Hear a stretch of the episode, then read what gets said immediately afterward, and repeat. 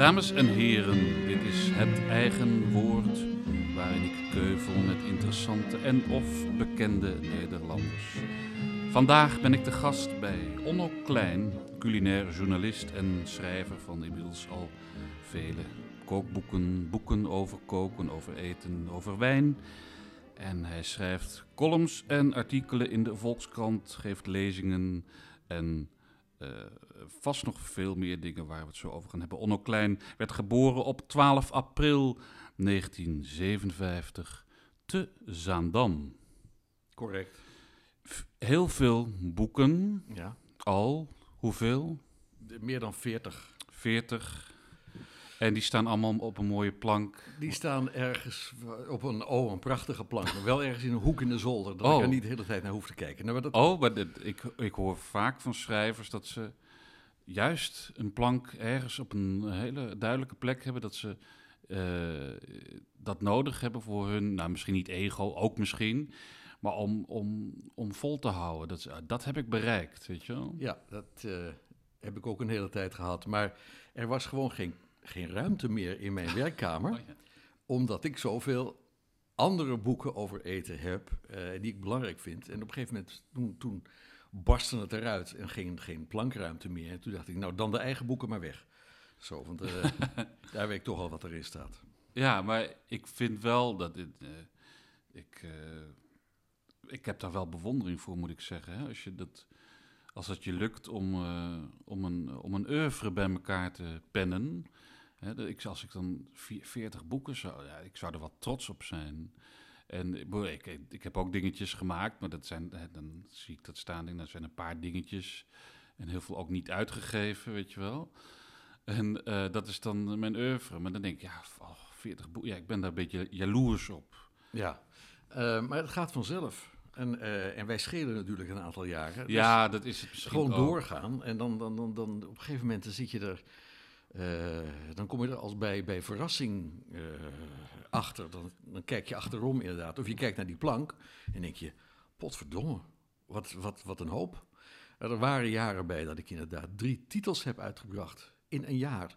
Dat, uh, dat collega's ook giechelig werden. Zo van, je bent je eigen concurrent. En ja, dat is dan ook wel zo. ja. Uh, ja. Zelfs, uh, zelfs Herman Brusselman redt dat niet, geloof ik, drie titels in een jaar. Nee, maar er zaten natuurlijk ook, er zaten dan ook boeken tussen met een, een, een, bundeling van columns of zo. En dat telt natuurlijk niet echt. Althans, daar, daar zit je niet zo op. Die zijn al gemaakt. Mm -hmm.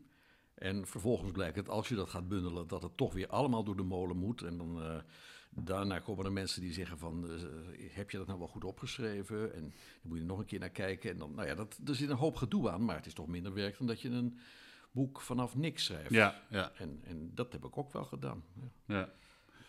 En uh, lees je graag recensies over je eigen boeken? Mm, alleen als ze heel erg goed zijn. Ja, natuurlijk. Ja, ja. maar krijg je veel kritische recensies? Nee. Nee. Nee, dat, dat, uh, dat kan niet zo over het veld zeggen. Mm -hmm. Dat uh, iedereen heel erg blij is. Ja? Altijd oh, maar. ja. ja. dat weet ik niet. Um, maar nee, de, de, nee, de laatste... Nee, ik heb eigenlijk nooit slechte recensies gehad. Oké. Okay. Dit is raar, ja. Maar ja, is, dat, is dat een goed of een, slecht teken? Nou, dat zeg ik, is dat het veld of, of word je niet ja. door de echte kritische mensen uh, gelezen? Of in ieder geval dat die er niet over schrijven. Uh, het is natuurlijk een beetje... Kookboeken is, is uh, heel lang beschouwd als een ja, als franje. Dat doet er niet toe. Trouwens, bijvoorbeeld in de Volkskrant, waar ik voor schrijf... kookboeken komen niet in de boekenrubriek voor. Oh. Nee, dat doen ze niet aan. Dat vinden ze onzin. Dat zijn geen echte boeken. Oh, en, verschijnen daar geen recensies? Nee. Is er dan niet een andere rubriek? Waar ja, worden... natuurlijk. In de, in de, in de kookrubriek, Ja, waar oh, ik daar? zelf aan bijdraag, Oh. daar bespreken we wel kookboeken. Maar niet in de boeken, Oh. de boekenbijlagen. En dan kun je natuurlijk zeggen, als het gaat om pure kookboeken, gewoon een verzameling recepten, hebben ze gelijk, want dat hoort Ja. daar niet. Mhm. Maar er zijn tegenwoordig eh, ook wel hybride boeken. En eh, ja, nummer Ja. één op dat terrein ben ik zelf in Nederland. Ja, ja precies. ja. Ehm, Omdat ik heel veel boeken schrijf, zeker de laatste jaren, die bedoeld zijn om te lezen en die niet echt draaien om de recepten. Ja. Is er veel concurrentie in, in bo- kookboeken. Ja, vreselijk Ja, oh veel ja. concurrentie in kookboekenland. Eh, er komen nu iets van duizend titels per jaar uit. Kookboeken. Ik- alleen kookboeken. Alleen ja. kookboeken waarvan eh, ik denk een kwart eh, of iets minder nog Nederlands, origineel, Nederlands geschreven. En de rest allemaal vertaald. Ja. Ja. En dat is, dat is immens. De, de boekhandelaren weten ook niet van gekkigheid wat ze Nee. ermee moeten. Nee. Maar het verkoopt als geweldig. Ja. Eh, dan moet je wel realiseren dat vaak rekent men bij de kookboeken ook dieetboeken en gezondheidsboeken. Oh. Ja, en die verkopen natuurlijk nog veel harder. Dat is allemaal promises, promises. Ja, En, tuurlijk, eh, ja. eh, Ik ja, vind dieetboeken altijd een beetje het tegenovergestelde van kookboeken, eerlijk gezegd. dat is ook. maar de, de boekhandel rekent het erbij. En Ja, ja, ja. als er tenminste veel recepten in staan. Ja. ja. En dan, eh, nou ja, laten we niet over diëten beginnen. dat, dat, daar- van die afdeling ben ik niet. Ik heb Nee. er allerlei ideeën over, vooral dat ze niet werken. Maar eh, nee, dat heeft natuurlijk niks met de lol van het koken te maken. Nee, nee, nee, nee. Nee, nee het, is ook, het is ook regelmatig dat ik tijdens het eten of zo eh, met iemand, of als zitten we lekker te eten of uitgebreid te eten, dat je dan toch op een gegeven moment het daarover gaat hebben, over afvallen bijvoorbeeld. Hè? Mm. En dat ik dan denk, waarom, waarom... Nou, het is ook logisch dat juist tijdens het eten te sprake komt, hè? als je iets lekkers en Ja. iets vets en iets ongezonds tot je neemt. Mhm. Maar het is dan ook weer helemaal het verkeerde moment. Want je bent aan het genieten en hoe ga je het daarover hebben? Nou goed, dat is een dingetje van mij. Ehm, ja, jij, bent, jij beschouw jezelf als, als kookboekenschrijver of eh, schrijver of hoe zeg je dat? Ehm, eh, eh, culinair schrijver of Ja. gewoon schrijver. Nou ja, culinair schrijver, want ik schrijf alleen maar over eten en drinken. Eh, ik heb ooit één keer een boek uitgebracht met verhalen over Frankrijk waarin geen recept voorkwam. En dat Oh. was best aardig. Maar, ja. ja. Maar nu ben ik bezig met een, een boek over Frankrijk. En dat is weer zo'n hy- hybride boek. Dus ik heb het bijna af. Wat, is, af. wat moet ik bij... Ik bedoel, ik, ik denk dat ik weet wat je bedoelt, maar misschien sommige luisteraars niet. Hybride, een hybride boek. Ja. Hybride auto, dat, dat weten de meeste mensen. Ja, maar- ja. Eh, dit is een boek dat bestaat, eh, dat heet ook Verhalen en Recepten. En eh, daar staan 110 recepten in, maar op de dikte van het boek betekenen die maar een kwart. Oh, ja. Dus driekwart van het boek zijn ja, verhalen, maar ook eh, achtergronden eh, van, van, van eten, maar ook gewoon mijn eigen belevenissen in Frankrijk. En ik heb dat. eh, dit boek, dat, gaat bij, dat komt bij eh, uit, Nijgen van Ditmar. Die hebben een fonds, dat heet tegenwoordig Nijg Culinair.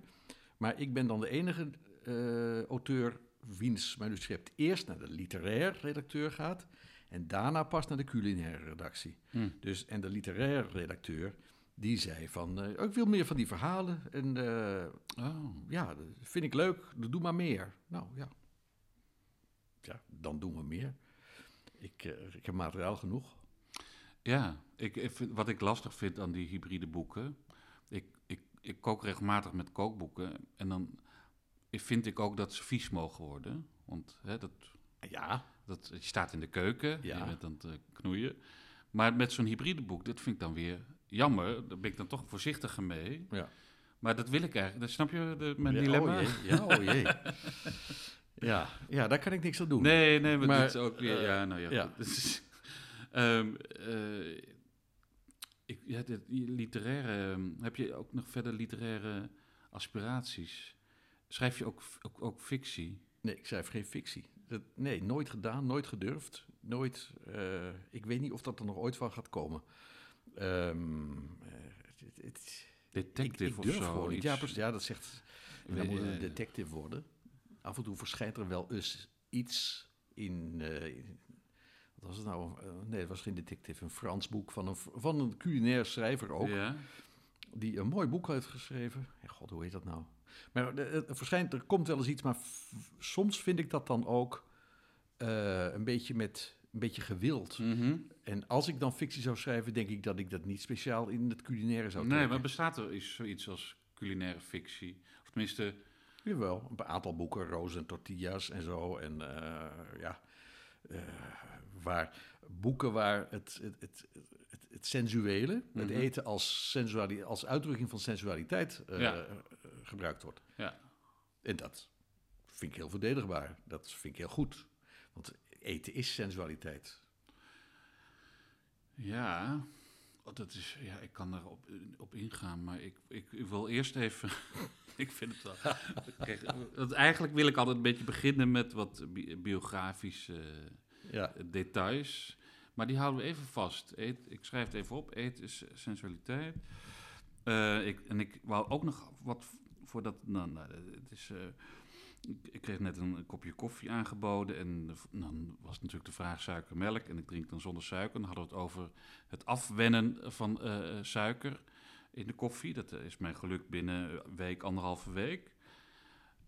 Dus dat vond, vind ik wel frappant. Dat zoiets heel snel. eh, ja, dat je er heel snel van af kan komen. Mhm. Maar met, met zout is het misschien anders. Hè?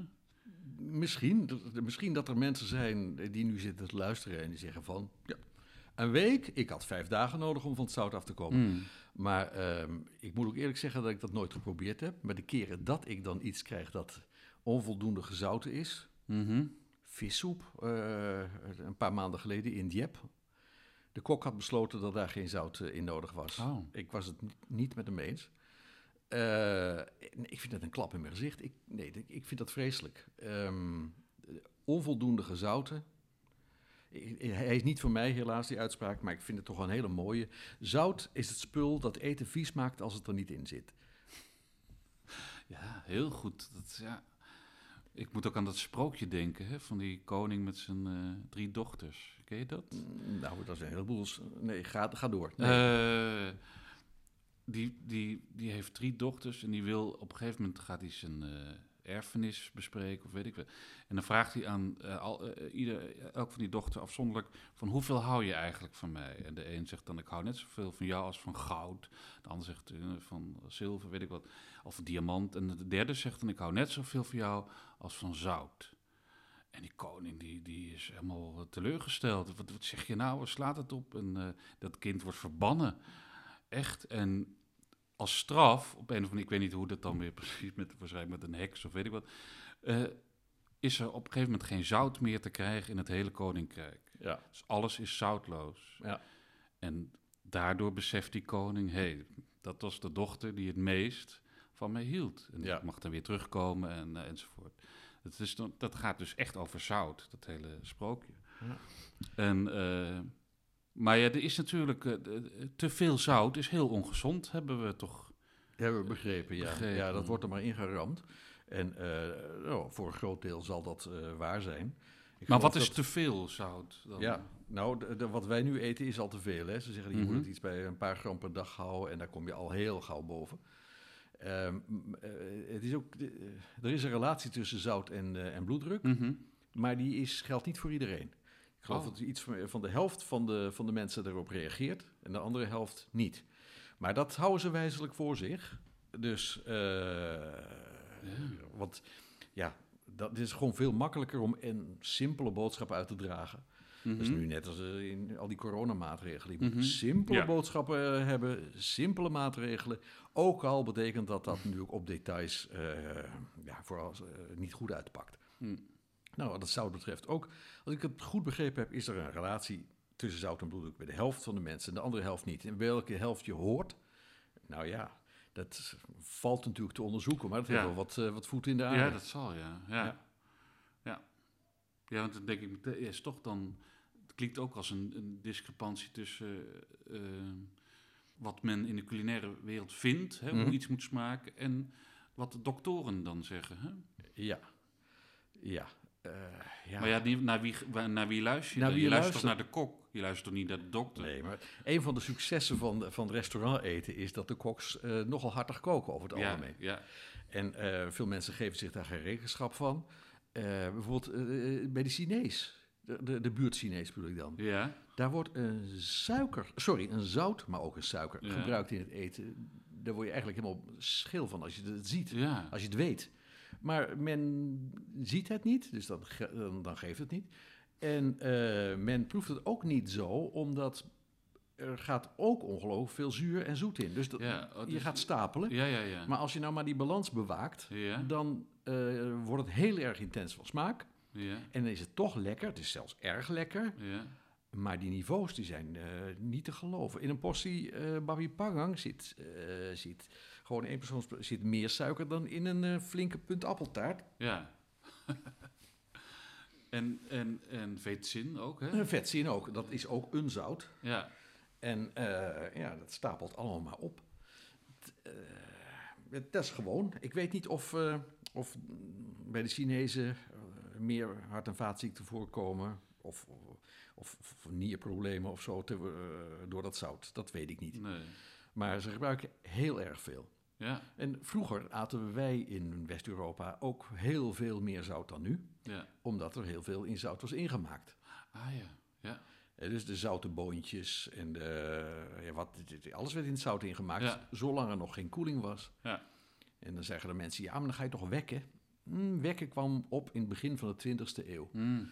Eh, dat is eigenlijk zelf inblikken, hè, thuis inblikken. Ja, Voor die tijd was het er niet. Er was geen koeling, er was niet inblikken, er was niet wekken. Je- alles wat je moest bewaren, dat ging of in een koele kelder, en dan moest je geluk hebben, of in het zout. Ja, ja, ja. Er werden niveaus gegeten van de men kreeg soms drie, vier keer meer zout binnen dan wij tegenwoordig. Oké, ja. Ja, zo erg oud werden ze dikwijls dan ook niet. Nee, nee, precies. Maar dit, ja, moet er dus, het, het zout wel dankbaar zijn, eigenlijk. Ja, Ja, nou dat, dat merk je in alle... Hè, de, voor die keer weer, dat- dat zal ik nou niet doen, maar al die uitdrukkingen. Mm, En eh, mm. zout is heel erg belangrijk geweest door de geschiedenis heen. ja. ja. Ik, ja, ik, ik, ik, ga, ik, ik, doe het zelf voordat ik nu de hele tijd eh, zijpaden neem. Maar nu ga ik toch proberen eh, je biografie enigszins eh, inzichtelijk te krijgen. Eh, uit wat voor nest kom je? 1957 geboren. Ja, De, was het wederopbouw? ja, Of, eh, ja wederopbouw. ja. Hè? De, ik geloof dat de EEG werd net opgericht. Oh ja, ja. Ehm, voor de jongere lu- eh, luisteraartjes, hè, de voorloper van de EU. ja, ja. Eh, mijn, mijn moeder was pianiste. En mijn vader, die was... Aanvankelijk wou die eh, schilder worden, kunstschilder. Oh ja. heeft nog geëxposeerd in La Cave Internationale op de... Even denken hoor, dat is de Herengracht, ja. Op de hoek van Torbekkerplein. Cool. En, eh, maar dat ging allemaal niet. Hij werd eh, PR-man bij de Stichting Amateurfotografie. Want dat was zijn, zijn lust en zijn leven. Ehm, fotograferen, later filmen. En hij maakte een carrière, schreef heel veel boekjes over amateurfilmen. Daar werd hij heel bekend mee. En eh, hij had zijn PR-bureau en dat, dat draaide goed. En eh, het huis lag dus vol met camera's. En ik ging ook filmen met vriendjes. En steeds grotere, omvangrijke, eh, omvangrijker films maken. Waar we op een gegeven moment naar, naar Frankrijk gingen. Om het daar speelfilms te maken met geluid erbij. Ah, hoe, oud was je toen? De eerste keer 18. Nou ja. En daarna nog een paar keer. En voor die tijd, ja, eh, mijn moeder was pianiste, maar die was ziekelijk. Eh, erg ziekelijk. Ze is ook heel jong overleden. Maar eh, ja, muziek was er altijd natuurlijk in huis. En vandaar dat ik eerst pianoles kreeg. En toen ging ik gitaar spelen. En toen in een band terecht kwam. Oh, ja. En toen werd ik verliefd op een meisje van een kerk. En toen ging ik daar ter kerke, ging daar in het kerkkoor zingen. Waar zij trouwens helemaal niet in zong. Maar goed. ehm, Oh. en, eh, en toen ook, toen dacht ik, als je dat zingt, dan moet je ook les nemen. Dus toen nam ik zangles. En, eh, dus muziek was de andere leidraad in mijn leven. En ehm, nou, toen na de middelbare Maar, school... maar, maar, maar, sorry dat ik het onderbreek, maar dus Ja. heel erg, klinkt het heel erg, eh, niet gestuurd, maar wel geïnspireerd door wat je ouders deden. Dus Ja. muziek en film. ja, Ja, Ja, daar kon ik ook moeilijk tussen kiezen. Dus eerst na de middelbare school eh, heb ik nog een blauwe maandag antropologie gestudeerd. Dat werd hem niet. En ik wou de film in. Toelatingsexamen gedaan voor, het, eh, voor de filmacademie. Daar werd ik niet aangenomen. Toen ben ik gaan werken. Waar, als, eh, waarom, waarom niet? Weet je dat? Ja, er, waren, er, waren, er waren in die tijd 30 plaatsen en 1000 aanvragen. Oh, echt zo op die manier. Dus dat was Ja, een ja. beetje een gok. Ja. ja. Oh, dat was heel hip dus. Om dat Dat was heel hip ja. toen, want film was heel belangrijk. Ja, ja, ja. Ehm, en toen eh, ben ik gaan werken eh, bij Oscar Film, Klepperloader. Dan moet je, moet je met die klap doen van scène Oh, 17, ja, ja. take 4, pats. Dat, is, ja. En dat soort dingen. dat en, eh, gebeurt nog steeds wel, hè, geloof ik. Dat Ja. is nog om... ja, het is voor, voor video in principe niet meer nodig. Nee. Maar eh, ik weet niet of ze dat voor video... Nou, in- bij tv natuurlijk niet. Maar voor speelfilms nog steeds wel doen. Ja, of ik, ik, zie, ik zag wel eens iemand gewoon, of met zijn handen dat gewoon doen. Maar het is, Ja. als je een, een, een losse geluidsband hebt, is het gewoon wel praktisch om het, om het makkelijk bij elkaar eh, natuurlijk Ja, te leggen. om het ja. eh, synchroon te krijgen. Ja. Nee, klopt. En ehm, maar dat werd hem ook niet. Toen ben ik op een gegeven moment... Ik, mijn hobby Maar, waar- was... waar- dus, eh, maar je, wil, je hield niet vol of zo? Van ik hield niet vol, nee. Nee. En of ik kreeg ook te weinig. Ik kreeg gewoon te weinig werk. Misschien was ik wel een luie donder, dat weet ik niet meer precies. Dat is moeilijk te zeggen over. Ehm, maar ik heb het dan een paar jaar gedaan. En ik zag dat verder niet meer zitten. Ik kwam niet verder daarin. Hmm. Ehm, en eh, toen ben ik een kookopleidingje gaan doen. Opleiding. Hoe, kwam, hoe kwam je daarop? Ja, dat was mijn hobby. Koken. Oh ja, Mijn vader was gaan koken. Maar omdat mijn moeder ziekelijk was, ja. had mijn vader de keuken overgenomen. En dat was leuk. En dat ging ik ook doen. Koken voor mijn vrienden. En eh, dat, toen ging ik een kookopleidingje doen. Dat was in het de Bouwerspelles in Zandvoort. Maar terwijl ik daarmee bezig was, ik had al een hele tijd eh, klachten, ernstige klachten in de buik. En na twee weken al of zo, ik had net goed geleerd hoe je een ui moest snijden en hoe je peterselie moest hakken. Toen eh, eh, werd ik opgenomen in het ziekenhuis, want het ging helemaal mis. Nou, toen kwam er een spoedoperatie en, eh, en daar ben ik weken mee bezig geweest. Toen was die, die, die kookopleiding die was Ah, vertrokken. Die- ja. Die, kon ik niet meer aan, bij aanhaken. Want ik was zo twee maanden verder. Oh. Ja, Maar- wat, wat, had je, wat, wat was het wat je had? Nou, een, och, de- medische details. In Oh, ieder geval, ik nou had ja. een, het zat dicht. Met Nee. Dat heet een ilius. Dan zitten je darmen dicht en dat Oh. is niet goed. En dat is, kwam dan weer door een of andere veronachtzame, veronachtzaamde ontsteking Ja, of ja. zoiets. Ik had daarvoor al, een paar maanden eerder, auditie gedaan voor het koor van het Concertgebouworkest. Initiatief van mijn moeder. Die zei van, waarom doe je dat niet? Je hebt toch zangles? En eh, daar was ik aangenomen. Oh, dat, maar, en wanneer was het? Dat is... Dat is, eh, die auditie was in 79. Ja? Het koor begon in 1980. Ja, ja, ja, ja. Oh, dat is een... ehm want je had natuurlijk wel het groot omroepkoor. Ja. Of het, dat heette toen... Dat was er ook, Oh, jawel. het, ja, zoiets. Maar ze wilden een eigen koor of zo, hè? Ja. Eh, Bernard Haitink had in Parijs een koor gehoord. Of er misschien wel meegewerkt, dat weet ik niet. eh, bij het eh, Orchestre de Paris.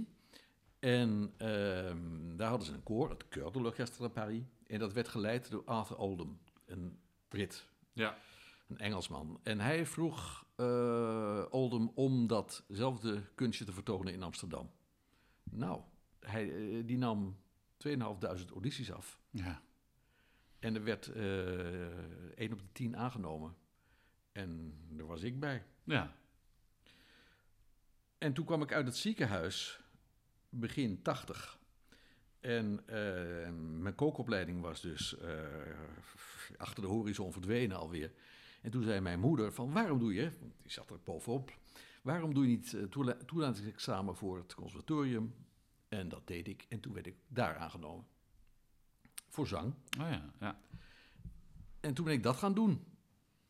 Nou, en toen was ik daar vijf jaar verder mee. Ik had alles afgesloten. Ah.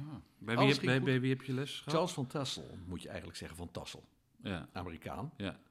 Sprak trouwens heel goed Nederlands.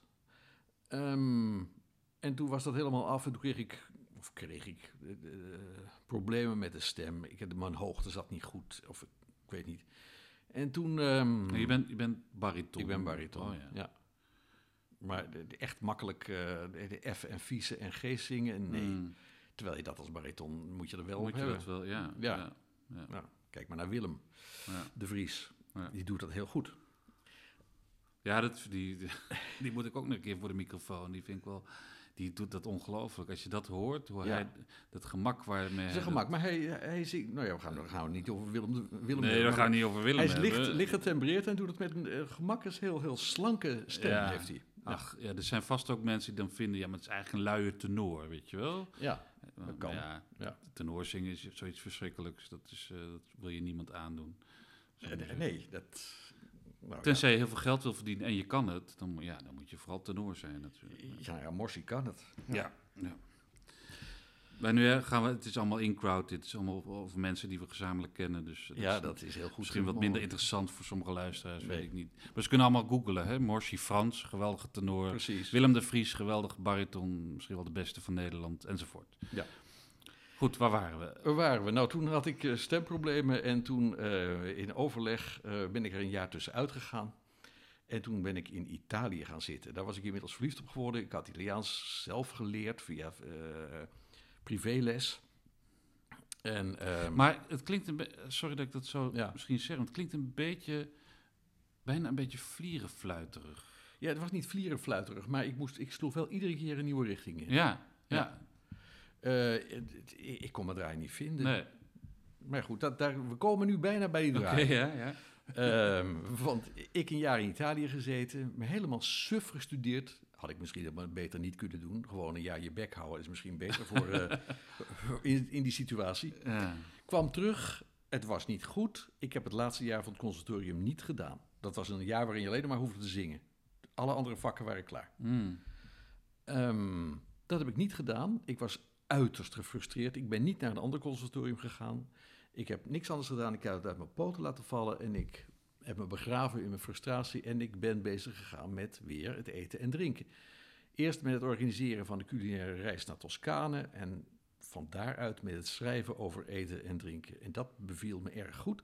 En toen binnen een paar maanden heb ik tegen mezelf gezegd: dit is hem. Oh, Dit echt? wordt hem. Dit moet hem zijn. Nu niks anders meer. Eh, ik had Was een, je eh, daar toen echt van overtuigd meteen? Van- Ja, Oh, ja, ik, ik, ik dwong mezelf om er overtuigd ja, van ja, te zijn. ja. Ik had een paar. eh, ik, ik kon lekker schrijven, blijkbaar. Dat ging Mhm. helemaal vanzelf. Maar ja, mijn vader was publicist en, ehm, en, en schrijven was gewoon ge- normaal bij mij thuis. Ik had natuurlijk de, de schoolkrant gemaakt ooit en dat soort dingen. En verder had ik een paar leuke. Ik kon eh, Italiaans lezen en schrijven.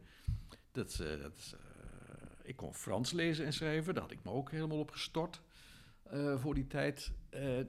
Ik had een paar aardige dingetjes die andere mensen die over eten schreven niet hadden. Dus ik Ja, afficheerde mezelf als, als Italië-specialist. Ja? En, en toen ben ik daar erg veel over gaan schrijven.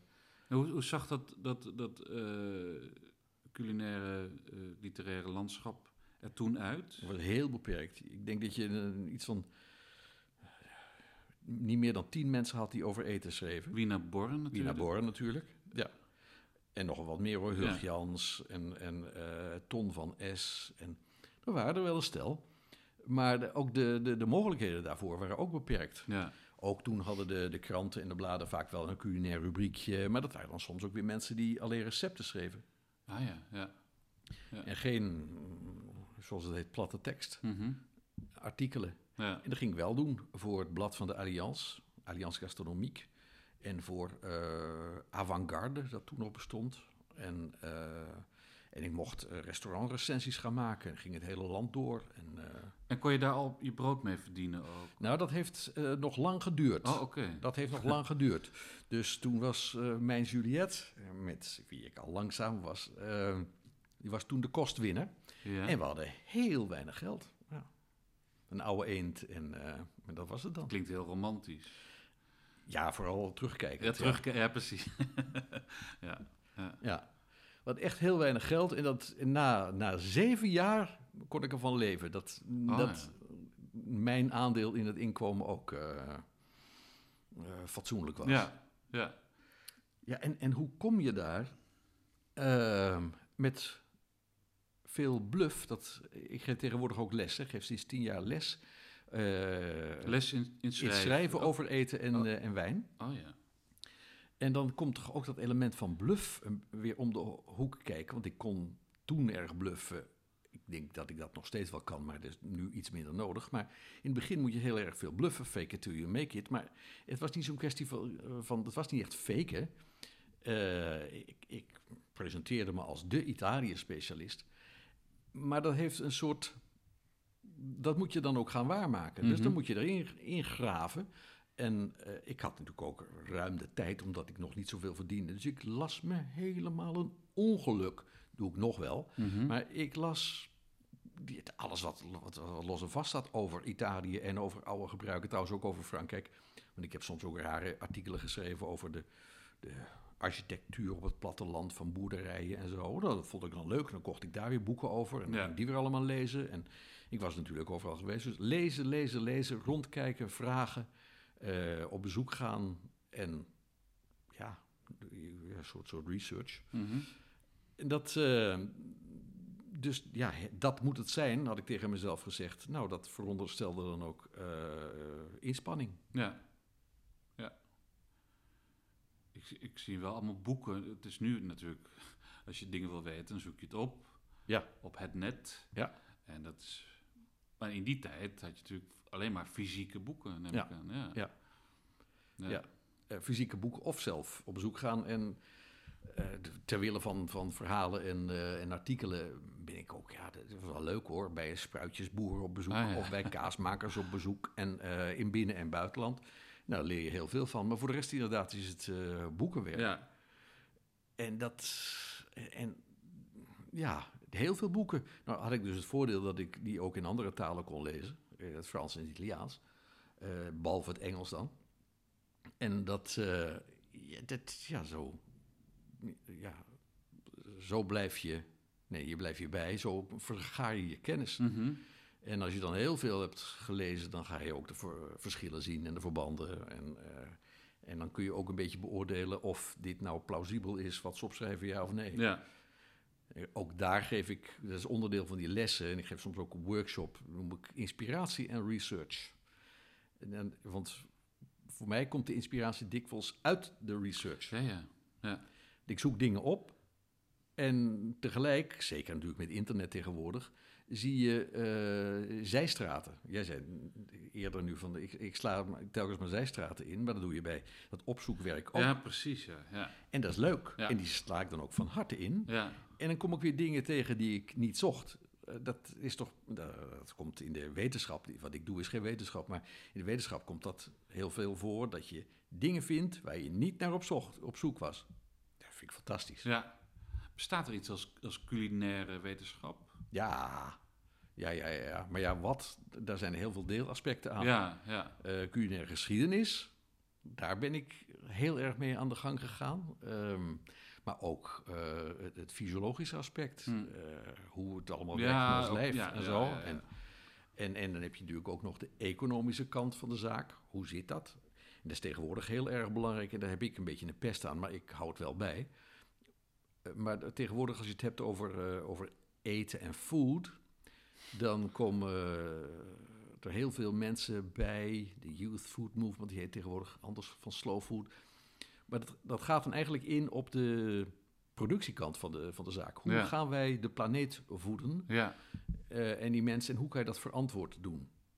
Biologisch, niet biologisch, grootschalig, industrieel. En, en daar ligt mijn hart niet. nee. Ik wil wel, ik, wil, ik houd wel bij, ik wil het wel weten. Maar ik vind de culturele kant veel leuker. Ja, Van, Ja. Is het lekker en waarom? En wat voor gebruiken zitten erachter? En, en waarom, waarom eh, zijn die Italianen zo dol op tomaat en de, en de Spanjaarden iets minder? Eh, ja, gekke dingen. Ik, trouwens, ik heb, nu- dat verzin ik nu, want ik Ja, heb het antwoord ook niet. niet. Nee. Ik wou bijna vragen, maar eh, waar komt de beste olijfolie vandaan? Beste, ja, ook alweer zoiets. Ja, Ja, nou, men, het heet dan toch altijd Italië, maar eh, Spanje heeft in feite ook fantastische olie. En Griekenland ook. Griekenland ook, ja.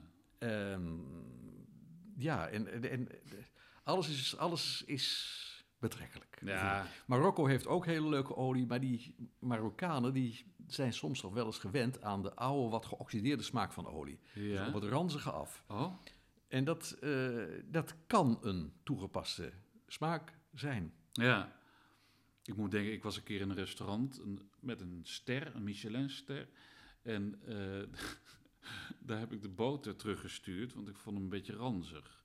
Maar ze waren er wel, ze waren volgens mij beledigd dat ik dat deed. Ja, ze- onze boter is misschien wat sterk van smaak. Maar dat was wel zoals hij hoorde te zijn. Ja?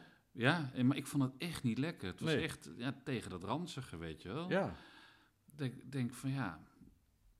Maar veel. ik vond eigenlijk misschien nog wel de, de manier waarop ze reageerden, vond ik, vond, ik, vond ik echt niet goed. Ik Denk ja, maar sorry, de klant is nog steeds koning. Precies. En dat hoort er ook bij dat je dan toch op zoek gaat, misschien naar een stom pakje boter wat je nog hebt liggen.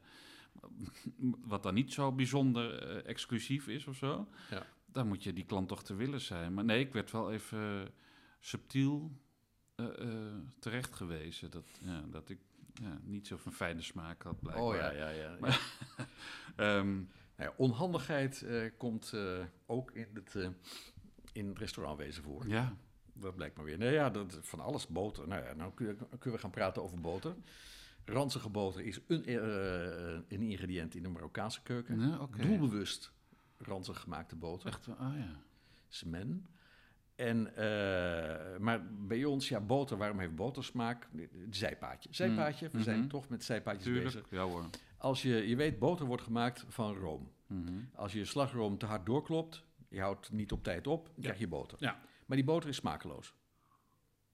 Ja, Dat, eh, die heeft nog geen smaak. oké, ja. Ik zeg erbij nog, hè. Mhm. Eh, die heeft geen smaak, omdat de smaak van boter komt van melkzuurbacteriën. Dus hij moet iets verzuren. Niet ranzig worden, maar hij moet iets verzuren. En dat komt door melkzuurbacteriën. En ooit gebeurde dat vroeger door. Terwijl de melk oproomde, je deed de melk in een grote brede schaal en dan kwam in de loop van 24 uur of zoiets, kwam de room vanzelf bovendrijven. Ja, ja, ja. In die tijd verzuurde de room al. Dat is een beetje het effect wat je nu kunt proeven in Frankrijk. Crème fraîche Mhm. is zuur. Ja. Niet zo zuur als zure room, maar hij is een beetje zuur. Als je die gaat kloppen, krijg je een hele overtuigende boter. Met slagroom niet. Ah, ja. Nou, in de jaren 50 hebben ze in Nederland een nieuwe methode uitgevonden voor de boterindustrie. En dat is dat ze de boter eerst karnen, dus die, boter, eh, die room kloppen tot het boter is. En dan daarna pas een merksluurbacterie eh, bijvoegen om hem op smaak te brengen. ja. En de mate waarin je dat doet, je kan hem iets zuurder maken of iets minder zuur, dat verschilt per merk, maar ook zeker per land. Ja. Italië houdt van een hele zoete, weinig zure boter en sommige anderen houden Ja. wat zuurdere boter. Ja. Maar dat heeft niks te maken met ranzig. Nee. Ranzig hoort hier bij ons niet te zijn. Nee, nee. Ik denk ook wel dat het, dat, tenminste is mijn idee, hè, dat het cultureel bepaald is. Want ik heb bijvoorbeeld, ik heb een tijd in, in Bulgarije gewerkt en daar dus ook eh, gegeten. En ja, toch regelmatig dat ik dingen at waarvan ik dan dacht, nou ja, volgens mij is het eh, tegen het bedorvene aan. Eh, vooral met vlees, en dat vond ik een beetje eng ook. Eh, een aantal keer bijvoorbeeld een spaghetti bolognese. Dat je ook, ik bedoel, je moet ook, waarom ga je in Bulgarije een spaghetti bolognese eten? Maar goed, je wil niet alleen maar Bulgaars eten, dan op een gegeven moment ben je dat zat. Maar dat, dat ik denk, ja, dat gehakt, dat is, volgens mij is dat niet meer goed. Ja, als je dat zou, hè, dit, of je kent het Hmm. vast ook, dat je dan in de, dat ligt dan nog in de koelkast en dan ruik je, denk, ja, nou, misschien kan het nog. Hè, als je niet zulke, als je gasten hebt die niet zo nauw kijken, Ja. dat, dat het nog gaat. Maar in een restaurant denk ik dan, oh, dat kan echt niet. Maar dan, ik had wel het idee, omdat het een paar keer gebeurde, dat ze daar toch iets minder om geven. Dat ze dan nou, toch wat makkelijker ermee zijn. En, Ja, wel opmerkelijk. Ik, ja, ik heb het natuurlijk niet geproefd. Als je eh bolognese wordt in Italië gemaakt met eh, veel rundvlees en een gedeelte varkensvlees. Hm. Maar varkensvlees kan berig smaken. Mhm. Dus van, van beren, mandjesvarkens die niet gecastreerd zijn. Dat mag tegenwoordig ook niet meer. En er zijn allerlei controles op en zo. Maar in die landen is dat misschien nog meer aanwezig. En dan kun je berig... Oh, nee, Varkensvlees, maar dat, nee, dat was het niet. Het was Dat was echt het niet. dat, dat, dat het te lang eh, lag. Ja, dat nee, is ja. moeilijk. Want als je vlees laat liggen en je haalt het uit de koelkast, het heeft lang gelegen. Je gaat ruiken, dan ruik je vaak een zure lucht. Mhm. Dat is weer melkzuurbacteriën Nou ja, die erop ja. zitten. Ja, precies. Maar dat was het wel hoor. Ja. Ja. Ja. Ja, ik vond het niet lekker. Dat is duidelijk. Dus ik heb daar vooral heel veel sushi gegeten, want dat werd vers klaargemaakt. Het zag er wel ook vers uit. En Daarvan wist je, nou, dat, dat zit wel goed. Ja, was ook heel hip daar eh, in Bulgarije, sushi. Ja. Italië en Frankrijk, dat zijn wel de pijlers hè, Ja, van, je, ja, ja. van je werk. j'ai de amour. Ja. en eh, ja, waarom hoef ik niet te vragen. Dat zijn, dat zijn natuurlijk ook fantastische landen qua, eh, op culi- culinair vlak.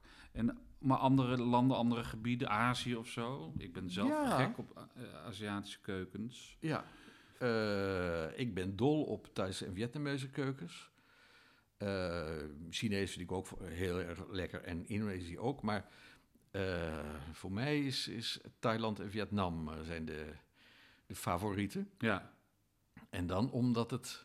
Het is natuurlijk vreselijk pittig, althans in Thailand. In Vietnam beduidend minder. mhm. En Vietnam gebruikt heel veel verse kruiden. Ik vind het op een of andere manier heldere smaken.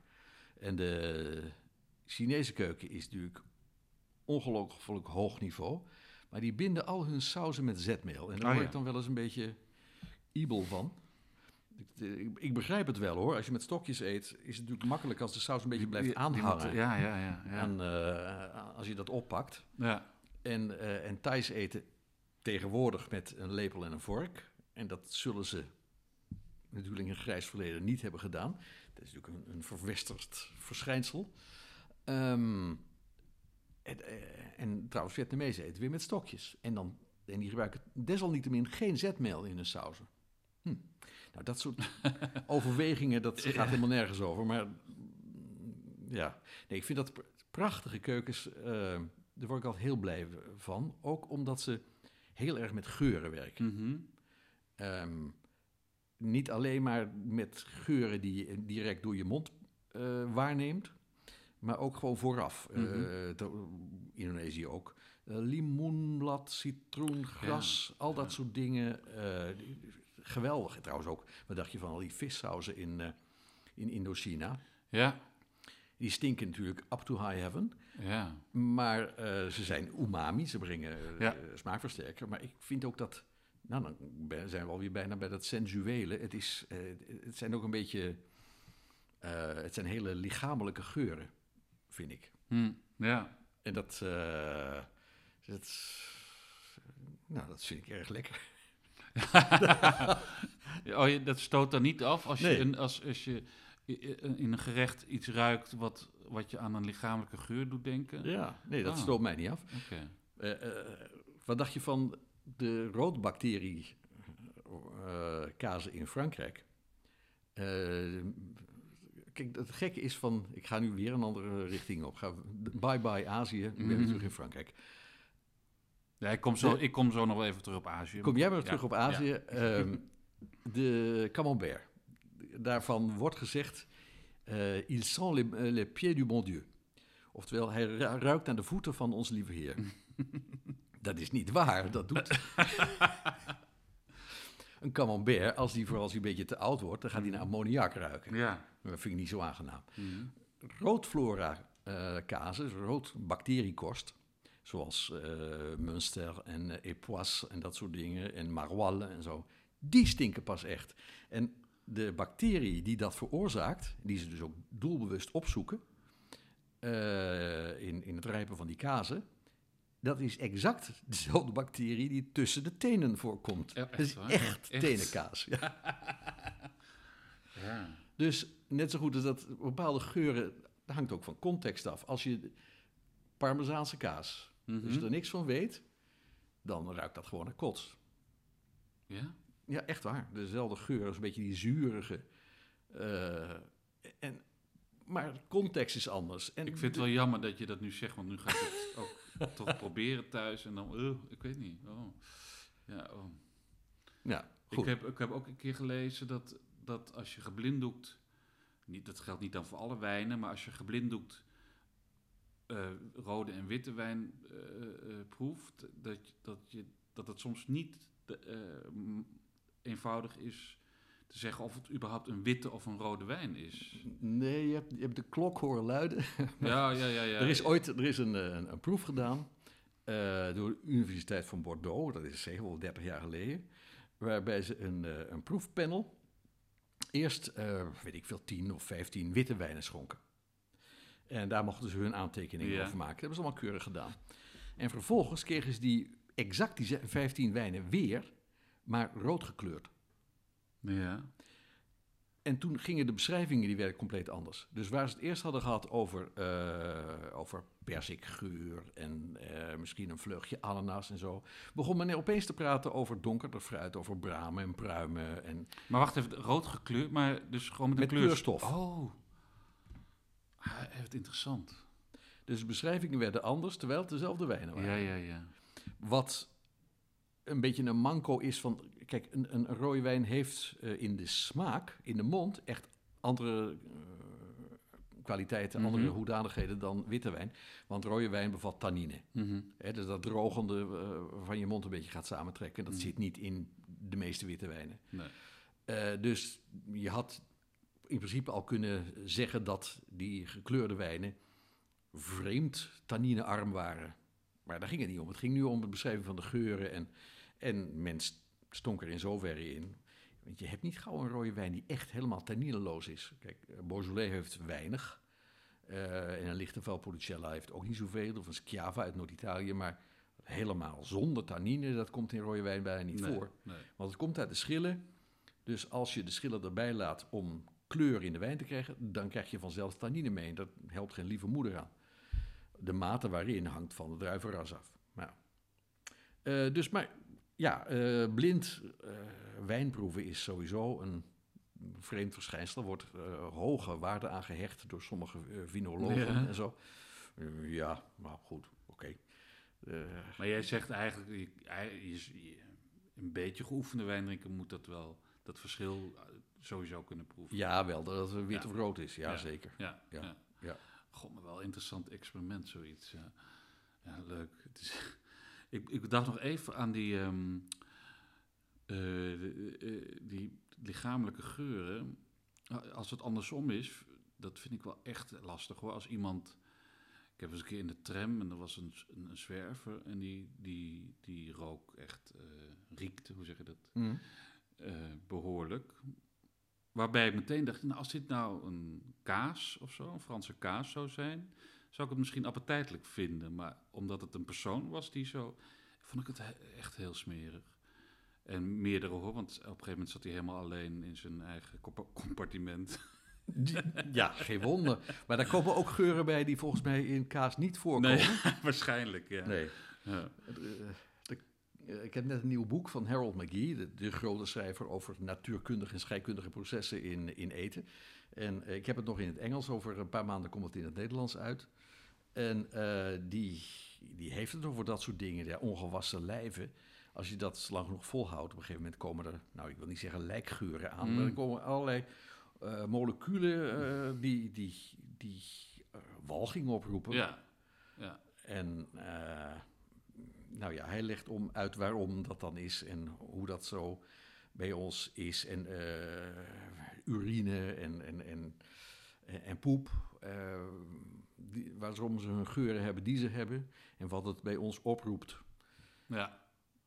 Ja. En ook omdat die geuren, als zo'n zo'n zwerver de hele tijd maar in zijn boek, broek piest, dan, eh, als het uit je lijf komt, ruikt het nog bijna nergens naar. Maar dan gaat het op een gegeven moment gaat reageren met, met de lucht. En dan gaan daar weer bacteriën in leven. Nou, het wordt echt een, wat een fantastisch gesprek hebben we, Jan. Ja, ja. het prikkelt wel een bepaalde fantasie, maar niet, ja, je wil er niet per se heen, inderdaad. Nou ja. Ehm, ik dacht ook nog aan die... Ik heb een keer, als op de middelbare school... eh, met, met eh, onze Latijns klasje gingen we dan eh, Romeins koken. En dan een leuk Romeins koken. En dat... ik las er ook over, dat moest ik denken aan die vissaus. Volgens mij is dat dan vergelijkbaar. Moet jij zeggen of dat klopt hoor. Ja. Maar die, die ze daar in de Romeinse tijd, hadden ze ook een grote pot ergens staan. Ja. Waar dan visafval in ging, Ja. weet ik wat. En dat ging dan ook fermenteren. En, en dat werd dan gebruikt om. Of kwam daar een vloeistof. Ik weet het nooit precies hoe dat, hoe dat moet Ja. voorstellen. Kwam Nee, er een klopt. vloeistof af? Of- Garum of eh, licamen is Oh als, je, als je vette visjes, hè, ansjovis en, en sardines en zo, met zout in een groot vat stopt. En eh, dan een, eh, een tijd wacht, een paar maanden. eh, en ja, liefst stond dat vat ook nog in de zon. En dan tapt hij het onderuit af. En daar kwam vocht uitlopen. En dat Ja. is de vissaus. En dat is precies dezelfde vissaus als die van Thailand en Vietnam. Ja, echt? Ja, Oh. Ja. Dus als je Romeins wil koken, kan je gewoon zo'n fles Ja. vissaus pakken? ja dat kun je. Oh, wat goed. Ja. En dat, dat die garum, die bleef als smaakmaker eh, in gebruik. eh, wel in het Byzantijnse Rijk, tot de Turken dat overnamen in de 15e eeuw. En in het Westen is dat, eh, zie je dat echt verdwijnen in de loop van de middeleeuwen. Karel de Grote wist er al bijna niks meer van. Oh. Dat is eigenlijk wel jammer, toch? Dat dat dan... Ja. Of, ja, nou, jammer, ik weet, ik zeg maar wat. Ik bedoel, het, laat ik het zo zeggen, de, de, de westerse keuken had er heel anders uitgezien dan toch op een bepaalde manier. Jazeker, ja. Ja. ja. De Romeinse smaken, wat we ervan weten, is dat ze eh, bijna Aziatisch waren in hun heftigheid. Dus Ja. nogal zuur, nogal zoet. En dan ook die... Ja, want werd ook in het, het receptenboek stond ook zo'n eh, vlees met gewoon een flinke kwak honing erbij als Ja. saus. Ja, Ja. eh, maar dat is ook heel gewoon in de wereld. Zie je overal dat zoet, als je het hebt, eh, is een hooggewaardeerde smaak. En die wordt gewoon door de gerechten heen gebruikt. En onze gewoonte om eh, toetjes te eten, en dus eigenlijk het, het zoet uit het gewone eten te halen en dat op het eind van de maaltijd te presenteren, dat is een vrij recente aangelegenheid. En die is in gang gezet door de Fransen in de 17e en 18e eeuw. Eh, een waarom kan ik niet aangeven, maar het is wel zo. En die, die, die vinden dat chic om eh, al hun prachtige, het wordt steeds mooier, die prachtige zoetigheid en van suiker, hè, dus dat is allemaal rietsuiker nog uit de Ja. slavenindustrie, om daar mooie dingen mee te maken en om dat eh, achteraan de maaltijd te geven. En dan verdwijnt de suiker uit de gewone gerechten. In Mhm. het einde van de middeleeuwen, in de renaissance, Oh, ja.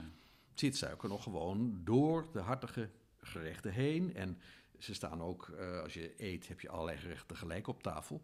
En er staan er ook gewoon sommige zoete bij, sommige hart, eh, hartige. Net zo goed als je in Indonesië de pisang eh, goreng bij de rijsttafel Ja. gewoon op tafel krijgt Ja. bij de andere gerechten. Ja. Dat was in Europa ook zo. Waar, ja, ja, maar ehm, ja, dat is nu he- inderdaad heel anders. Je- Het, het zoet komt aan het eind. ja.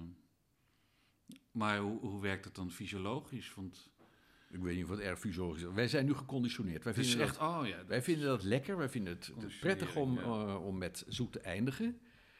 Maar dat is.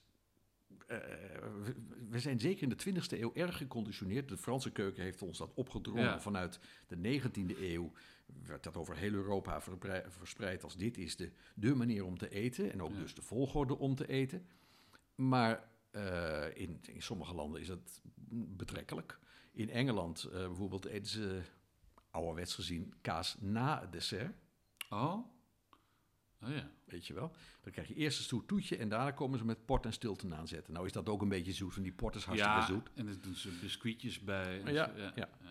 En, eh, en in Nederland, de, ik heb een mooi boek staan van Josien Jobsen van Putten over het eten van de gewone mensen vanuit de 19e eeuw, 19e eeuw, 20e eeuw. In Limburg, ik kent de, de gouden combinatie van eh erwtensoep en pannenkoeken. Ja. Ja? Eh, heel lang at man, men daar eerst pannenkoeken en dan erwtensoep. Oh ja. Eh, Dan denk je van, ja, maar je moet toch met zoet eindigen? Nee, hoezo? Ja, ja, wie zegt dat? Ja. wie zegt dat? Ja, ik vind het wel lekker als ik naar de bioscoop ga. Nou, dat is nu. het lijkt een, in een soort verleden te zijn. Maar ehm, om dan, als ik popcorn bestel, om dan te vragen of ze beginnen met zoet. Dus onderin het zoet. En bovenop de, het zout, de, de zoute popcorn. Zodat ik dan. eh, als ik dan zit ik op een gegeven moment bij dat zout een beetje zat. En dan komt langzaam komt dat zoet dan bo- ja, vind ik wel een, een hele aangename belevenis, moet ik zeggen. Ja, maar an- nog- andersom zou ik er niet aan moeten denken. Nee? Oké, Nee. dat- ik wou net zeggen, dan moet je dat ook eens proberen. Maar, Ja, ja, gewoon eens... pro- Ja, ik, ja, kan daar dan nee, ik ben ook goed geneigd zijn. om te... Ja, Maar misschien is dat dus conditionering. Ja. Ja. dat kan heel goed. Ja. Misschien is het net zo aangenaam om na heel veel zoet lekker iets zouts te hebben. Ja. ja, ik, ik weet het dus ook niet. Nee, nee. Want ik ben net zo geconditioneerd als jij en, en, en als wij allemaal. Ja, ja. Ik miste, ik ga toch weer even terug naar die Aziatische. Ik miste eh, India. Want ik ben zelf heel erg dol op India's eten en ook koken, India's koken, omdat het betrekkelijk eenvoudig te doen is. Je hebt heel, heel veel verschillende kruiden nodig, maar technisch is het, is het heel eh, overzichtelijk. En, het, en ook die geuren inderdaad. Maar jij, de- jij bent er niet zo... Ik maak het wel eens en ik eet het ook graag. Maar eh, mijn betrekkelijke bezwaartje is dat het bijna allemaal vloeibaar is. Ik ben afgezien van de rijst. Dus eh, al Oh, die ja, curry's, cur- al die curry's, alles Ja, is nat. Ja. En eh, ook, dan denk ik op een gegeven moment, ik wil eens een andere textuur hebben. ja, En eh, texturen vind ik sowieso erg belangrijk. En dan altijd een, een dingetjes in saus. Ja. Eh, ja, en is ja, het is ook heel verklaarbaar dat ze zo eet of zo koken als je heel weinig geld hebt. Want je, de, de, de saus is het, is het smaakbepalende. Dat, eigenlijk de, de, de combinatie van, van, van specerijen en nog een paar dingen, dat, dat bepaalt het gerecht. En je kunt dan met, als je arm bent, met een paar schepjes van die saus een enorme berg rijst lekker maken. Ja, ja. Daar zal Ja, het wel vandaan komen. ja, ja. Aan de andere kant heeft India natuurlijk ook hofkeukens gehad. En er is heel chic gekookt. Dus mm, ja, wie zal het zeggen? Ik zit nou een beetje te interpreteren. Maar Mhm. Ik, eh, en eh, daar moest ik ook aan denken. Van, eh, India staat voor mij ook als, als hè, dus een van de bitterste keukens. ja, En dat, dan denk ik aan die, de peper, hè, die, die ze daar, daarvoor gebruiken. Maar die komt uit, Amerika, Midden-Amerika. ja. Hè? Ja. Want, en dat was in 16... in de 16e eeuw, ja, Ja. na Columbus. ja. Maar daarvoor dan? Nou, hadden ze die andere specerijen wel. Maar eh, als ze iets pittig wilden maken, dan moesten ze, ja, gember, zwarte peper en zo. Dat heeft niet het effect van Nee, chilipeper. nee. Bij- Want dat was daar echt niet toen. Nee. Nee, Nee, was er niet. nee. Dus het is een, een vreemde gedachte dat eh, heel Azië eh, niet pittig at tot de 16e eeuw. Ja, ja. Maar er, zijn er nog eh, recepten of kookboeken van bekend uit die tijd? Dus Nee. voor die tijd? Nee, men schreef zelden wat op. Mm. Eh, ik weet er tenminste niet van. De Chinezen hebben kookboeken, ja, al uit van voor onze jaartelling. Oké, ja. Maar die andere culturen niet. Nee, nee. Eh, niet dat ik weet. Het had natuurlijk in, het, in India had het ook gekund. Ze hadden Mhm. het schrift. Eh, maar nee, daar is mij niks van bekend. Onze, afgezien van eh, China, zijn de oudste recepten uit iets van 1400 voor Christus op kleitafels uit Babylon. Oh ja. Prachtig. Oh ja, ja, ja. Waar ik trouwens ook meteen aan moet denken, en dat is omdat het een mode is, eh, heb ik het idee, nu, eh, is, ehm, is het idee van culturele toe-eigening. Hm? Hè, van dat je niet zou horen te koken wat een, wat een andere cultuur, eh, iets uit een andere cultuur. Dat je, je bij je eigen cultuur moet houden en niet je iets eh toe-eigent. Hè? Ja, Wat vind je daarvan? dat vind ik klinkklare nonsens. Ja, eh, het, kan helemaal niet. Ik wil, laten we wel wezen, onze stamp, wij zouden dus geen stampot meer mogen koken, want aardappels komen uit, uit Amerika. En de Italianen mogen geen tomaten meer gebruiken, want die komen ook uit Amerika. En eh, in India mag geen chilipepers meer gebruiken, want die komen Die ook uit ja, Amerika. ja, ja, ja. Dus eh, waar trek je dan Waar de streep? ja, precies. Waar, waar begint het? Ja. Waar begint het? Ik, ik ben wel een beetje eh, van de school dat ik zeg van als een gerecht een naam heeft gekregen. En, en daar hoort een bepaalde receptuur bij die, die gevestigd is. Dan ga ik daar niet aan tornen. Mhm. Ik ga geen, niet zoals Jamie Oliver, vrolijke ruitjes paprika gooien door de carbonara of zo. Dat, dat heeft hij trouwens niet gedaan, maar zoiets dergelijks. Eh, eh, en dit ben ik ook zo eentje van, nee, pasta alla carbonara, daar gaat geen room in, want de. Italianen vinden dat dat niet hoort. En je kan best een gerecht maken met vrolijke ruitjes paprika of met wel room doorheen. Mhm. Dat vind ik allemaal best, maar noem het dan geen Dat- carbonara. precies, ja. Dat is alles. ja. En voor de rest, ehm, ja, moet je doen wat je niet laten kunt. En, en niks staat stil, en de keukens ook niet. Ook al denken we dat soms wel eens. Kijk, de meeste mensen, ja, dat klinkt zo denigerend, denken niet. Dat is onzin. Die, die, die staan niet stil bij de dingen waar ik bij eh, stilsta, omdat ja, dat is mijn vak over eten. Dus die denken in Italië, wat ze daar aantreffen, dat dat bij wijze van spreken altijd zo is geweest. Mhm. Maar ja, dat, er is geen altijd. Nee. En eh, de keuken in Italië van nu is toch alweer anders dan die van 20 jaar geleden. Ja? Hoe? hoe? Ja, nou, de kleine dingetjes komen er ook. eh, kleine accentjes gaan ze ook opeens eh, sushi proberen. Of er is iemand die zegt: vind ik, eh, ik vind ceviche bijzonder interessant. En dan komt er een chique tent en die gaat ceviche op zijn Italiaans maken of zo. Dat sluit ik niet uit. En er komen ook nieuwe dingen bij. Eh, tiramisu. Nou, dat is toch het hittoetje van Italië, daar en buiten het land. Eerste vermelding is in 1980, geloof ik. Het is niet ouder. Echt niet? Nee, 1980. Hè? Ik denk altijd dat dat, dat is toch de basis, weet ik, dat is heel oud denk ik, dat bestaat al heel lang. Nee. 1980. Het zal wel wat ouder zijn, want voordat er dan ergens toevallig iemand er iets over opschrijft, dan is het natuurlijk al een paar jaar in zwang. Maar eh, nee, 1980 is de Oh. oudste vermelding die we hebben. Carbonara, eh, die vinden we niet voor de Tweede Wereldoorlog. Oh. Nou, zo zijn we meer van Oh, die is- dingen. ja, ja, je denkt, nee, maar dat is de... Ik bedoel, het irriteert mij altijd als ik dan een tiramisu op een kaart zie staan met iets... De, tiramisu met ananas, ik noem maar Ja, iets. ja. Of met... eh, Die, die, die, ja, maar dat hoort toch niet? Maar nu jij dit zo zegt, denk ik, ja, wat, het, Ja, wat hoort, hè? Wat hoort, ja. Ja, ja, nu inmiddels is tiramisu heeft dan een bepaalde eh, basis gekregen. En ik denk van, nou ja, dan laten we het maar zo. Eh, je merkt ook aan Italianen dat eh, een Italiaan van zichzelf waarschijnlijk wel tiramisu met ananas mag maken, maar wij niet. Ah. Hè, dat, ja, precies, ja. ja. Ja, dan, ja, dan is toch weer die culturele toe-eigening dan Ja. ergens. Ja, ja, ja. ja. Ik, ik twijfel erover, die met ananas gaat wel erg ver. Maar eh, een, een klein ander accentje, je ziet hem ook met, eh, met limoncello of zoiets dergelijks. Dan denk je, oh, oké, dan blijf wel iets dichter bij huis, Italiaans product. Maar eh, ja, nee, als je gaat variëren, dan, dan, dan dat mag je dan zelf wel. Maar ja, eh, tiramisu komt, als het goed is, uit Treviso in Noord-Italië. Mhm. Dus een Italiaan, of een Siciliaan die daar iets mee doet, is ook al behoorlijk ver van huis. Dus mag die dan wel of niet? Nou,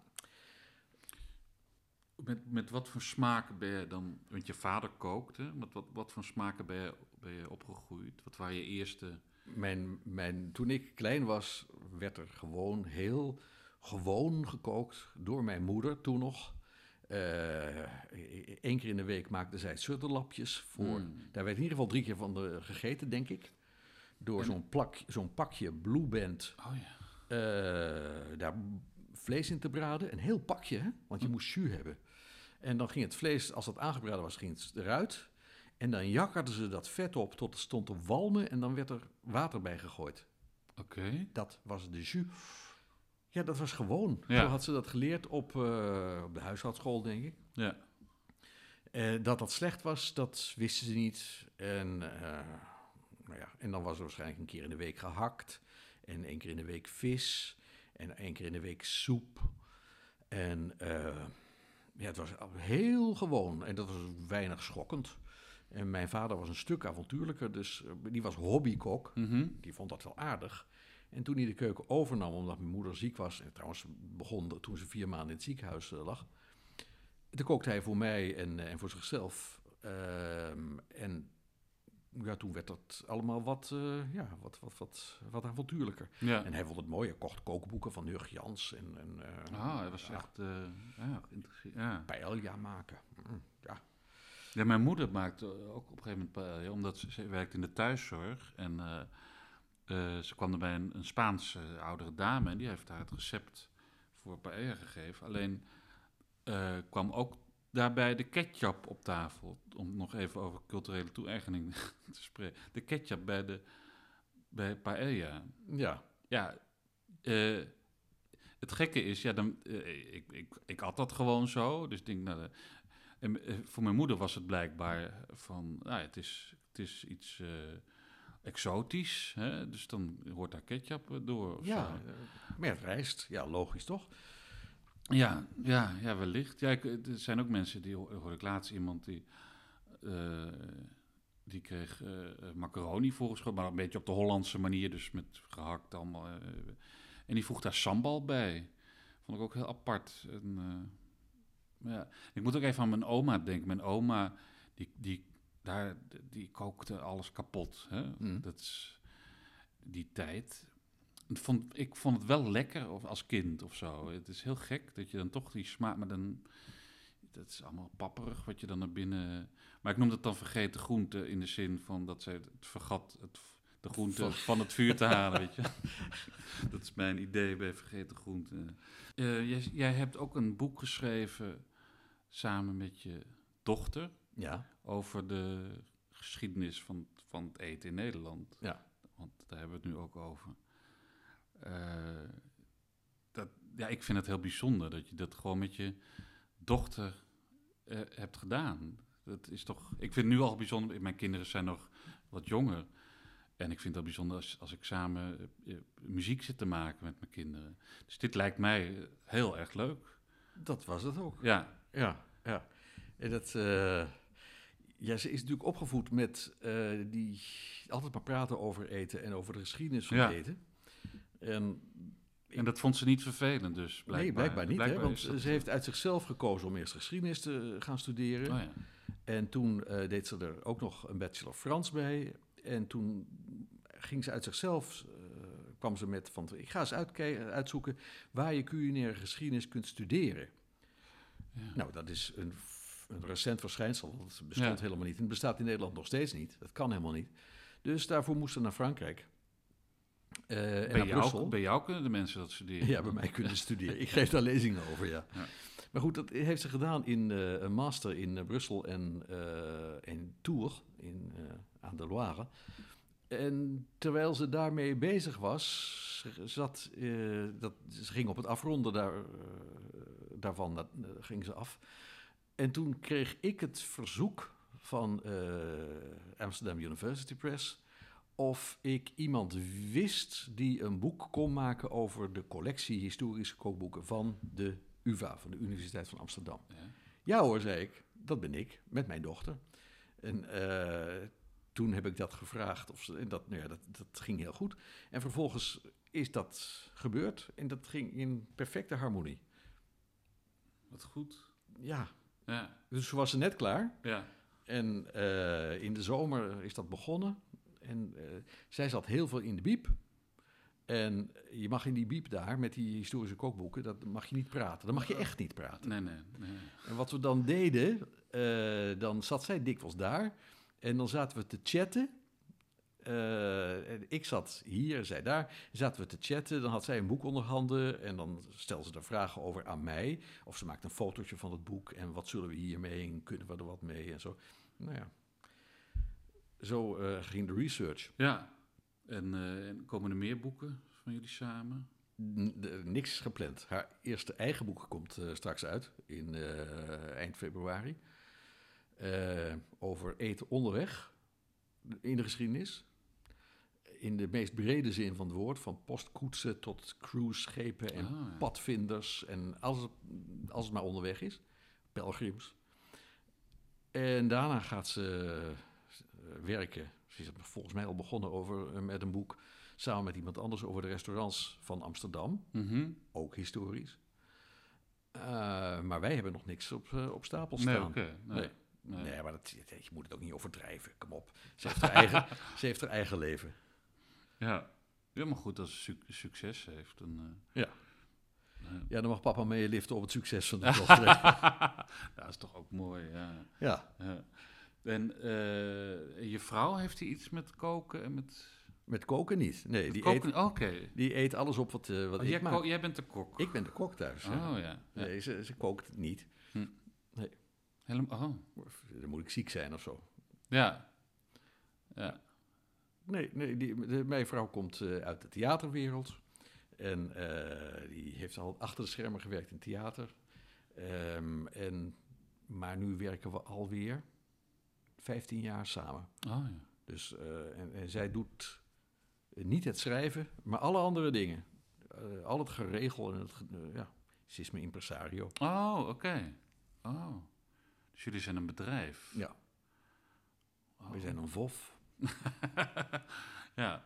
En, maar ze, maar ze, ze houdt wel van eten, neem ik Ze aan. houdt heel erg van eten. En van Ja. wijn. Ja. Ja, anders lijkt me een hele rare... Nee, dat gaat goed. Ja, het is aangeraakt doordat ik zei van, zal ik eens voor je koken? Ja, Ja, kan ik aanraden hoor, als eh, pick-up. Ja. de lief- liefde gaat dan door de maag, toch weer. Hè? Ja. Niet alleen bij de man natuurlijk. Mm, Nee, zeker niet. Nee, Nee. nee, precies. En Als ik een lezing geef, dan zitten allemaal vooral vrouwen in de zaal. En als ik dan zeg van, ik kook alle dagen, dan zie je zo'n... Dan zie je die, die voorbij- nou niet verbijstering op de gezichten, maar die, die jaloerse blikken van, van veel vrouwen. Ja? Ja, het- oh, had, oh, deed mijn man dat maar. Ja, ik kook thuis ook, ook eh, het liefst. Omdat mijn vrouw ook niet zo... Maar ja, je verleert het volgens mij ook, weet je wel. In, de, in, in haar studententijd heeft ze wel meer, meer gekookt. Maar nu... Ja, mijn kinderen vinden ook dat ik beter kook. Dus dan... En ik vind het stiekem ook. Ik, ik vind het heel vervelend om zo, zo te zeggen. Maar ja, het is gewoon zo. En dan... eh, Ja, maar die- ik bedoel, als je het, dit, ze, vindt, ze, ze houdt erg van lekker eten ook. Maar ze- ja, als je niet echt geïnteresseerd bent in koken en inderdaad... Ik, ik, ik blader heel graag ook door kookboeken en zo. Dat vind ik echt interessant. En, zou ik haar nooit zi- zien doen, weet je wel. Dus dan... Maar dat zo, ja... Je, Nee, maar je bouwt een smaakvoorstelling op en die, wordt, die voed je bijvoorbeeld met kookboeken. ja, Ook ja, al ga je misschien die recepten gewoon niet, niet uitvoeren zoals ze er staan, maar je, je slurpt er wat van op. En, en wat is koken? Het is, eh, het is spelen met vuur en spelen met zout. Ja, inderdaad. Lees jij nou zelf ook veel, nog, nog veel boeken over eten? Of Ja. lees je veel literatuur? Of, eh, ik lees ook literatuur, ik lees ook detectiveboeken. eh, en ik lees graag boeken over culinaire geschiedenis, over nou ja, wat het nieuwe boek van McGee. Ehm, ik blijf graag bij met non-fictie culinair. ja, Eh, en dat kan over van alles gaan. Maar ook over andere keukens van andere landen. En dan liefst ook beschrijvend. Eh, Ook, dat kun- kunnen ook wel kookboeken zijn. Maar dan probeer ik daar ook weer verbanden in te ontdekken. En eh, ik vind het fijn als kookboeken niet alleen maar recepten hebben, maar ook uitleg Ja. over gebruik eh, Ja. en, en, en achtergronden en geschiedenis. ja. En, en fictie? Wat, wat zijn je favoriete schrijvers? Nou, ik lees opmerkelijk weinig Nederlands. Dat is eh Oh. een zwakte van me. Ik lees vooral Engels en, en, ik- vind dat vroeger de beide Durrells, eh, Lawrence Durrell met de Alexandria Quartet, behoorlijk hermetisch, heel zwoel, erg seksueel, waarvan je de helft van de tekst niet begrijpt. Mm, En zijn broertje Ger- Gerald Durrell, die eh, eh, My Family and Other Animals eh, schrijft. Eh, dat is verfilmd op de televisie al verschillende keren eh, over hun leven op Corfu. Ehm, daar was ik op allebei eh, erg dol. Maar ook heel veel, ik heb heel veel van dat soort dingen staan. Graham Greene en, eh, en, en, en, en eh, hoe heet die? Hemingway. En, nou, ik kan zo veel, veel Engelse literatuur. Ehm eh, D.H. Lawrence en dat soort Mm. volk. Ja, oh, ik vind het wel interessant dat je dan niets van Nederlands leest, omdat je zelf in het Nederlands schrijft, toch? Ja. Alleen in Nederlands. Ja, d- ja, dat is zo. Je- je- ik heb wel gelezen hoor, van, van Pfeiffer en dat soort dingen. Dat, dat- en hier de Bourgondiërs, dat is trouwens geen fictie natuurlijk. Ehm, van Bart van Loo. Ja. Maar eh, ik, moet in ieder geval niks hebben van die... eh, al die boeken met die, die wortelen in de gereformeerde Oh, eh, ja, ja, die- strengheid. In ja. al die mensen die een moeilijke jeugd hebben gehad vanwege... Wolkers. ja, Ja, dat heb ik wel gelezen vroeger natuurlijk. dus, Maar ja. ja, Maarten het Hart, oh, taaie aangelegenheid. En gewoon door de, de onderwerp. Oké, ja. ja. Niet de manier waarop hij schrijft, maar ik kan het gewoon niet zetten. Oh, Nee, dat gloomy, die, die, die, die, die duistere treurigheid. Oh. Oh, wat grappig. Dat je, dus je hart is ook meer, meer eh, Frans-Italiaans gericht of zo? Ja. Wat dat, want, je, want dat is wel heel Nederlands, toch, die, die schrijvers? Ja. Tenminste, voor mij komt dat, is dat, ja. Die hebben dat niet. In, eh, nee, dat, dat is specifiek Nederlands. Die eh, altijd dat, dat, ja, dat strenge gedoe. Ja, Ja, Calvinistisch ook. Ja, Calvinistisch. streng. s- eh, het, het verheerlijken van het sobere. Ja. ja. Ja, dat moet je niet bij mij zijn. Nee, nee precies. Nee, nee, nee, het is heel duidelijk. Ja. Ehm, ik dacht ook nog even terug aan je, aan je film. je- je- je- niet je filmcarrière, want die heb je dus niet gehad, maar wel de, je interesse in film. Heb je ook, ben je ook in- geïnteresseerd in films over eten? Er zijn ook best wat bekende... maar- Ja, eh, maar niet, niet ik, ik verzamel ze niet of zoiets. Nee. Dus ik heb er best een heel stel gezien natuurlijk altijd. altijd eh, vreemde films vanaf van, van, van Bats Feast tot, tot eh, Ratatouille en, Oh, ja. en al dat soort dingen. Aardig, maar op de een of andere manier zoek ik dat niet speciaal op. Dat... eh, Daar was, er klopte toch iets niet met Ratatouille? Nee, Ratatouille, nou ja, de- de- die film heet zo, maar wat dat gerecht waar het allemaal om draait, Ja, eh, is geen ratatouille. Dat is een uh, tillon, zoals het in, in Frankrijk Oh. heet, of in Provence heet. Dus gewoon een, een gratin eigenlijk van groenten, met allemaal plakjes eh, courgette en tomaat zie ik daar liggen eh, in die film. En dat is geen ratatouille. nee, nee. Gek, hè? Le rata. Ja. Natuurlijk, maar ja. Eh, en ik, wat ik een erg leuke film vond was ehm, die over Julia Child. Ja, dat is Eh, fantastisch. Julia en Julia, ja. Ja. En eh Vatel, heb je die gezien? Nee, die heb ik niet gezien. Dat is een aanrader. Ja. Dat hebben ze echt, dat is met Gérard Depa- Depardieu. Vind Mhm. ik altijd erg leuk om naar te kijken. Maar dit, dit is een heel, heel feestmaal, eh, of zo'n dagenlang hè, feestmaal. Is dat daar- was gebruikelijk. Ja. was eh, ge- ge- gereconstrueerd. En Ja. Fantastisch, met ook vuurwerk erbij. En, eh dat is wel een aanrader, ja. Volgens mij is hij niet, niet eens uitgegeven in Nederland. Maar, Nee? nee. Of misschien daarom, maar hij is natuurlijk boven water te krijgen. Ja, ja. Eh, ja, Vatel, die, eh, die zichzelf in zijn zwaard stort ja. als blijkt dat eh, de, eh, de vis niet aan is gekomen. En hij, hij is koud dood of de vis arriveert. Het, het is verschrikkelijk, ja. Het is heel tragisch. ja. Ja, maar ja, ja.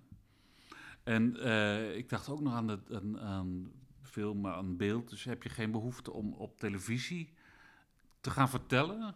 Oh, dat zou ik prachtig vinden. Maar eh, Het moet ook zo lopen het natuurlijk. moet ook zo lopen en eh, daar moet je de, de ruimte voor krijgen. Het is nooit gebeurd. En nee, en nu zijn er allemaal eh, leuke, hippe jonkies die dat doen.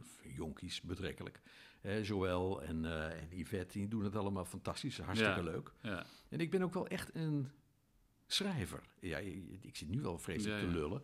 Maar ik vind het leuk om het niet alleen maar te vertellen, maar om het ook zo te vertellen dat het aangenaam is om te lezen. Ja, Dus daar doe ik mijn best voor. ja, ja, ja. En dat, ik weet niet of dat op de televisie tot uiting gaat komen. Ja, dan moet je je teksten van tevoren gaan schrijven. Die, wil niet. Je Hm. moet dat eh, spontaan kunnen doen. Of ja, voice-overs gaan maken of zo. Ja, kan. Nee, ik kijk zelf toch ook het liefst naar de wat oudere eh, tv-koks. Nou ja, zo'n Julia Child vind ik heel, heel leuk, maar dat is wel heel ouderwets. Maar eh, ik ben groot fan van Rick Stein. Ook omdat zijn recepten gewoon heel goed zijn. Ja. Eh, tenminste, vind, die, die werken altijd, zou ik maar zeggen.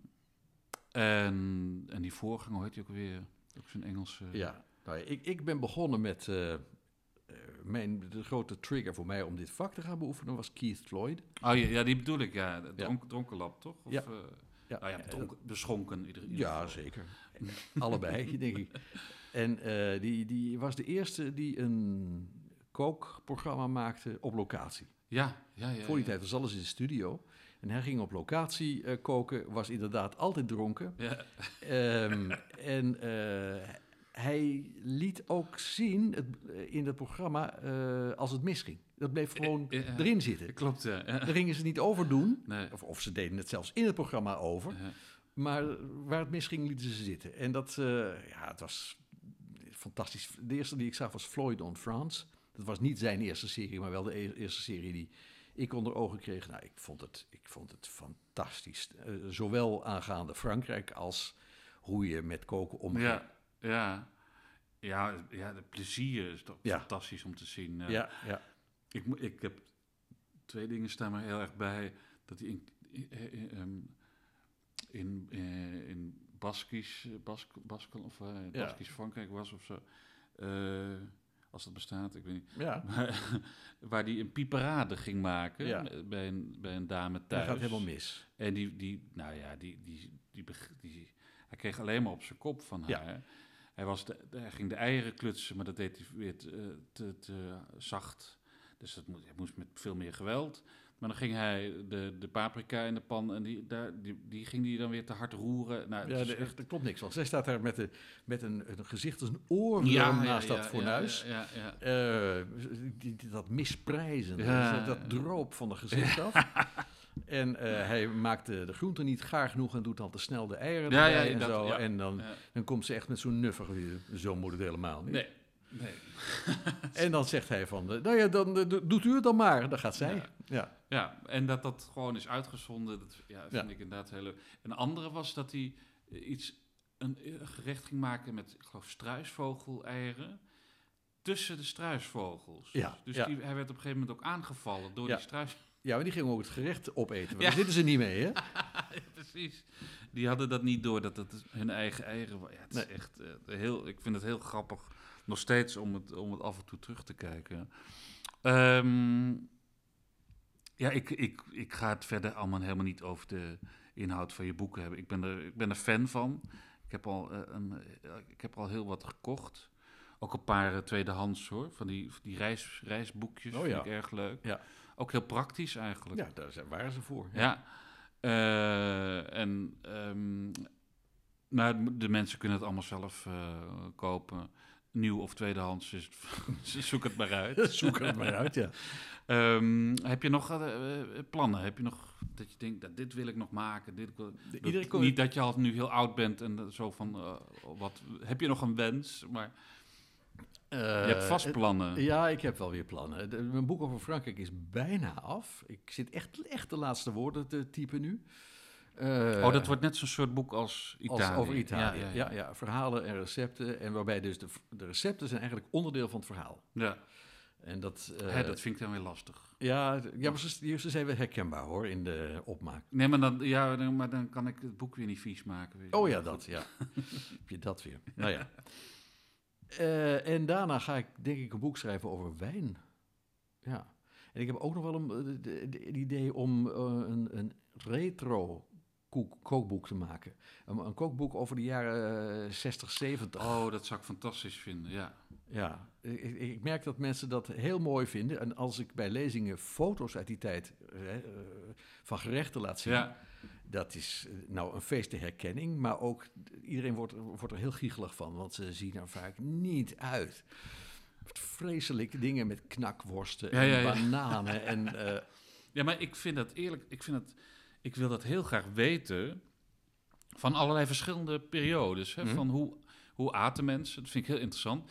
Maar dit, dan wil ik het ook echt wel proeven. ja, Hè, de- ik, ik ben één keer toen bij- met, met, eh, met mijn vrouw, toen voor, voor onze trouwdag bij Bocuse geweest in, in eh, Lyon. ja, Toen hij nog leefde. Hij was er zelf niet natuurlijk, maar... eh, dus had ik wel het gevoel dat ik daar iets kon proeven uit een andere tijd. ja, dat, eh, Dat- had al een museale waarde. Ja, ja, ja, precies. Maar dat vind ik heel leuk. Ja. Vind ik een hele leuke ervaring. Dus ik vind, ja, ik zou het heel leuk vinden als je zo'n kookboek maakt. Ja, Dat, je, dat we dat zelf kunnen maken, hoe ze, hoe ze toen eh, Ja, dat, dat is eigenlijk heel makkelijk natuurlijk van die kookboeken. Die zijn nog best in omloop. Ja, die zijn ook nog wel. Maar eh, dat weer eens gefilterd en eh, geselecteerd Ja. en, en eh, opnieuw gepresenteerd.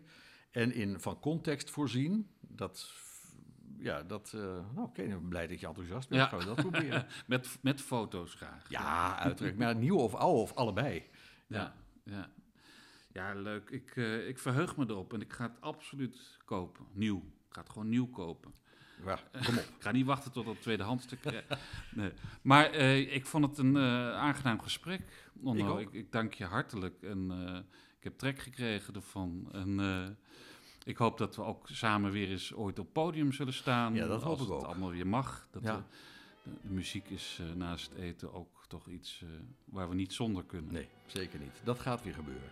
Absoluut. Dankjewel. Alsjeblieft. En eh, ik zeg tegen de mensen tot een volgende keer.